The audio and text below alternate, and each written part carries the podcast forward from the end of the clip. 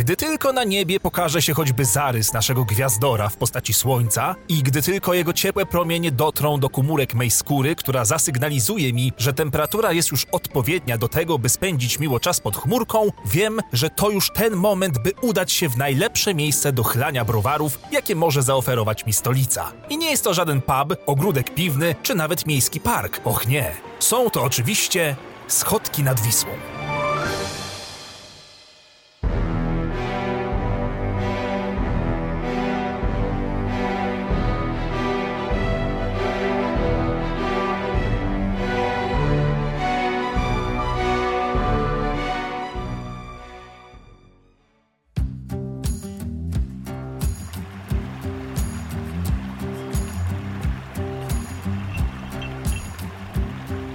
Ciężko mi policzyć, ile razy odwiedzałem to miejsce zaraz po wykładach na uczelni w szkole robienia hałasu. Prawda jest też taka, że nigdy pamiętać tego nie będzie mi dane, bo większość tych wypadów kończyła się totalnym melanżem, a niekiedy i upodleniem. Ale zawsze było wspaniale. Bo siedzenie nad rzeką i wlewanie w siebie browaru to rozrywka, której spróbował chyba każdy mieszkaniec tego miasta. Nieważne, czy jesteś studenciakiem, który smakuje się w koncernowych sikaczach, czy też korposzczurkiem, który popija wino verde, udając, że nie myśli o asapach na jutro. Albo nawet normikiem, szaraczkiem takim, co jest tu trzeci raz w życiu i w sumie nie wie, co o tym myśleć, ale cieszy się, bo będzie po prostu wypite w fajnym towarzystwie. Schodki witają wszystkich, bez wyjątków. Wszystkim przyświeca tutaj jeden i ten sam cel, jakim jest radość z raczenia się procentami nad wodą, niezależnie jakim typem chlejusa jesteś. A skoro o nich mowa, to z typowych bywalców tego sektora piwnego wyróżnić możemy kilka typów. Na pewno mamy tutaj tak zwanych czyli wiecznie zamyślonych alkusów popijających kraftowe gówno, którzy przychodzą tu, żeby dumać nad swoim życiem i jestestwem. Wiecznie wpatrzeni w iskrzące się tafle wody, popadają w jakieś odrętwienie i zanurzają się w nostalgii i pierdoleniu o przeszłości. Rozmowa z nimi jest jak gadka z kolesiem, który właśnie podejmuje decyzję o tym, czy w ogóle chce mu się żyć dalej. W ekipie zawsze znajdzie się jedna taka osoba, która zamiast cieszyć się z życia i rechotać z innymi jak dzieci, co wesoło wybiegły ze szkoły i zapaliły papierosy, to siedzi kurwa i zamula bumerskie smuty bez wyraźnego powodu. Tęsknię za dzieciństwem, za tą beztroską, za energią, którą miałem każdego dnia. I tym, za tym, że każdy dzień był słoneczny i nowy. Ech, chciałbym tak cofnąć czas. Masz tak też czasem? W chuj! Serio? Nie! Julka! Kochałem Cię! Teraz już nie mam po co żyć.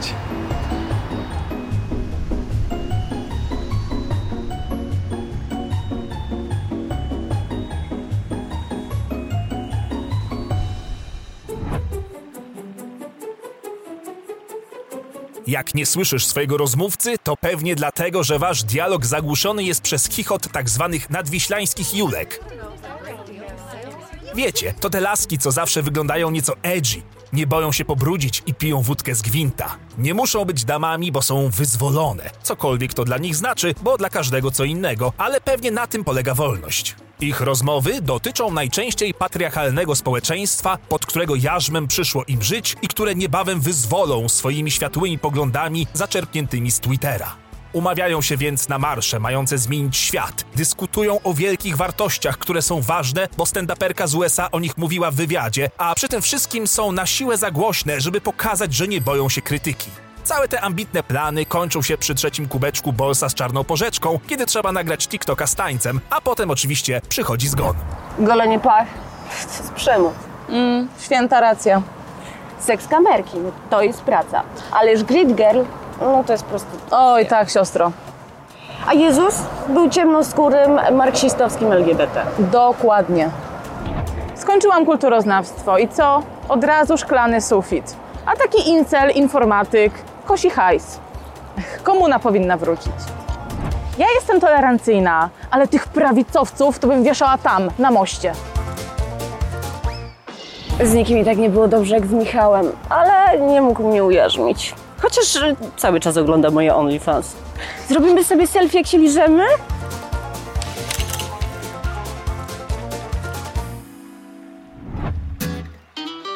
Jak się człowiek zasiedzi nad wisełką, to może paść ofiarą samozwańczych stróżów prawa, co to jeżdżą rowerami i szukają takich, co piją alkohol, po czym dzwonią na policję i robią wielkie ijo ijo, bo ktoś śmiał otworzyć radlera siedząc na betonie i myśleć w spokoju o swoim życiu.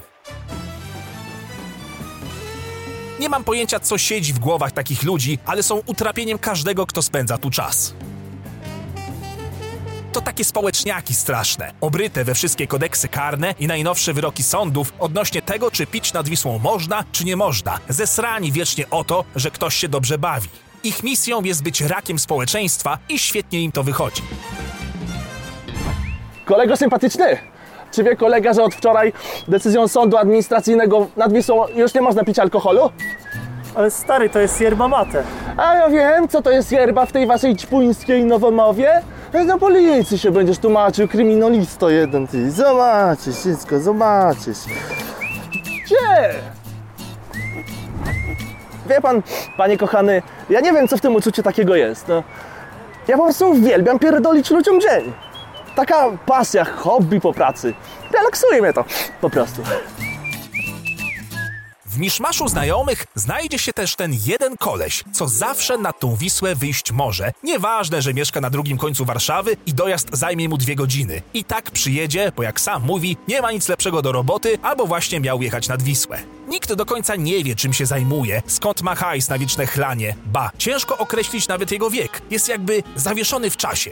Jeszcze niedawno studiował, ma wiedzę o świecie, ale jest jakby z tej rzeczywistości wyłączony. Przychodzi zawsze smutno uśmiechnięty, gotowy pożyczyć na piwko na wieczne nieoddanie, zagada, pośmieje się, a potem robi człowiekowi Batmana, czyli nagle znika bez podania przyczyny, kiedy wszyscy są zajęci rozmową. Masz dychę pożyczyć? Temu razu kupił połówkę? Dzięki. A, ty coś chcesz? Gdzie on jest? Nie chcę nic, bo pół litra na dwóch to nic. Pić z tobą to zaszczyt, duchu Wisły. Oczywiście nie można tutaj zapomnieć o schodkowych creeperach, czyli kaście nadbrzeżnych żuli, których jedynym celem jest zabranie twojej puszki i wypolaczenie szluga. Okazjonalnie też zagadują i zaczną męczyć swoją osobą grupę gimnazjalistów, opowiadając im jakieś zjebane historie, albo co gorsza, zaczną komplementować urodę jakiejś biednej dziewuszki, co prowadzi do niebezpiecznego poziomu cringe'u i żenady. Niemniej są oni stałym elementem tego krajobrazu i bez nich schodki nie mogłyby istnieć, gdyż równowaga kosmosu byłaby zachwiana. No i ktoś te puszki musi zbierać. Dzień dobry, kierownico. Puszeczkę można prosić? Nie, kurwa, takiej to ja nie chcę. Po co wy to kupujecie? Ja tego potem nie mogę wymienić, no. Na złość mi to robicie. Kurwa. A wy która klasa? Szósta, o, to zaraz studia, matura. Pamiętam, sam doktorem byłem. Kiedy to było? O, Noga mi gnije. Można mi pety gasić. Chcecie zobaczyć? Zobacz. Na to jeszcze nie śmierdzi, to z wiatrem się ustawi. Chodź, kikut będzie fajnie wyglądał. Ty ładna jesteś. Księżniczka normalnie z obrazka. Nie, ja przepraszam, ja nie chciałem tak tylko. Wie pani, jak ja bym był może młodszy i nie był degeneratem, który nie pamięta własnego imienia, to bym zaprosił na jakiś spacer, wódeczkę, coś, a tak to zamiast ręki mogę tylko o puszkę prosić. Dobrego dnia, żegnam. Także jeżeli jeszcze nie wiecie, co robić w wolny dzień lub weekend, na niebie świeci słońce, a wasza wątroba jeszcze daje radę, to uderzajcie na schodki nad Wisłą.